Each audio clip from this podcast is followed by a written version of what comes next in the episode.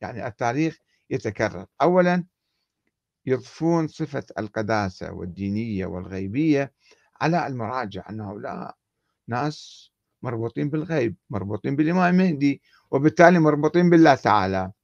شلون النواب الخاصين الأربعة آه الإمام كان معينهم؟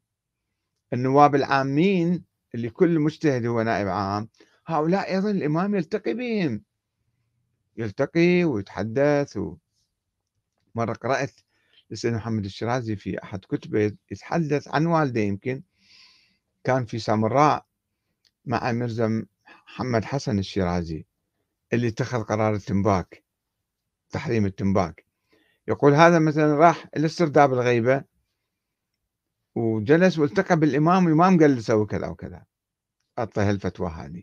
يعني أساطير حكايات يألفوها حتى يضفون قرار على الآن الآن نفس الشيء موجود عندنا.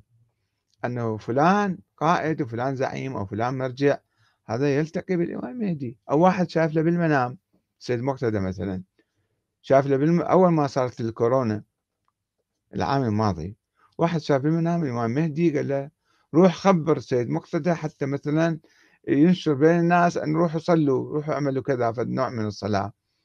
حتى يروح الوباء هذا و...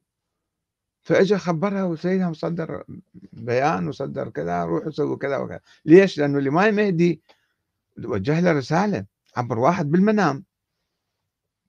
شوف شلون طريقة. بالمنام واحد من من افسدك كذي مثلا هذا يتكلم.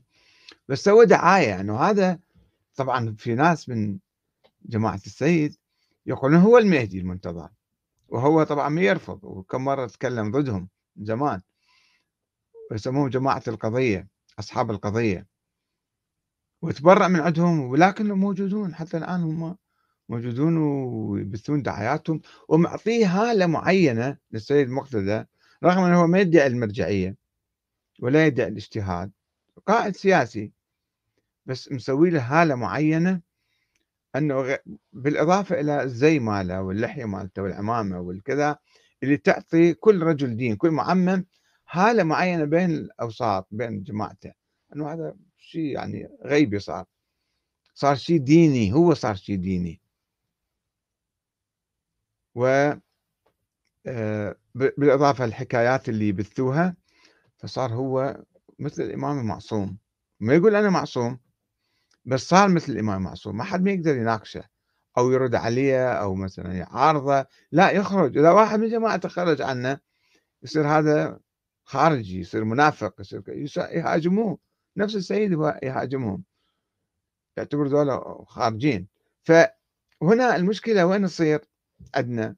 سواء بالمرجعية أو بالسياسة اللي تدين يعني يغلفوها بالدين. يصير عندنا يعني تمهيد للدكتاتورية. بعد ما أحد يقدر يناقش ولا يسأل ولا يبحث ولا يعارض ويضرب بقوة يعني. فكيف إذا حصل هذا المرجع أو هذا ابن المرجع على منصب سياسي؟ حصل على مثلا أكثرية وشكل حكومة هو.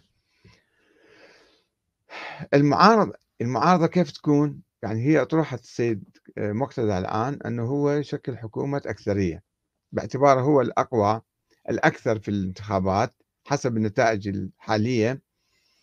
فإذا هو لازم يشكل الحكومة الأكثرية. الآخرين يتخوفون. لماذا يتخوفون؟ يعني هاي أطروحة الأكثرية أطروحة معقولة في كل العالم موجودة.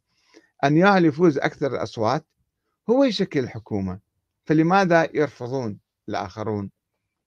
لأنه في الحقيقة النظام الديمقراطي بعد ما مترسخ عندنا. ما مترسخ. وعندنا شيء اسمه نظام ديني مو نظام ديمقراطي. ثقافة دينية ثقافة غيبية ثقافة تقديس للأشخاص. مع وجود هذه الثقافة يصبح ال... أو تصبح الحكومة حكومة الأكثرية تصبح خطر على البلاد. أنه تعزز الدكتاتورية. إذا هو الآن ما عنده سلطة مثلا كاملة وهو يتعامل بطريقة معينة. فكيف إذا أصبح هو مثلا آه، الكل في الكل الشرطة والأمن والمخابرات والحشد وكذا تحت إمرته وتحت قيادته ماذا يفعل؟ الآخرين يخشون ومن حقهم يخشون في الحقيقة. أنا كنت من دعاة أن تصير انتخابات رئاسية وياه اللي يفوز بالسلطة هو يشكل الحكومة. بس ضمن ثقافة ديمقراطية. ثقافة ديمقراطية وطنية مو طائفية مو شيعة وسنة لا حزب ديمقراطي ورئيس ديمقراطي وثقافة ديمقراطية ممكن يصير عندنا حكومة أكثرية وحكومة أقلية يعني معارضة أقلية. أما في حالة لا أنه آه، يعني بهالثقافة الغيبية الآن عندنا نفس الشيء بالمرجعية يعني الآن يتم الإعداد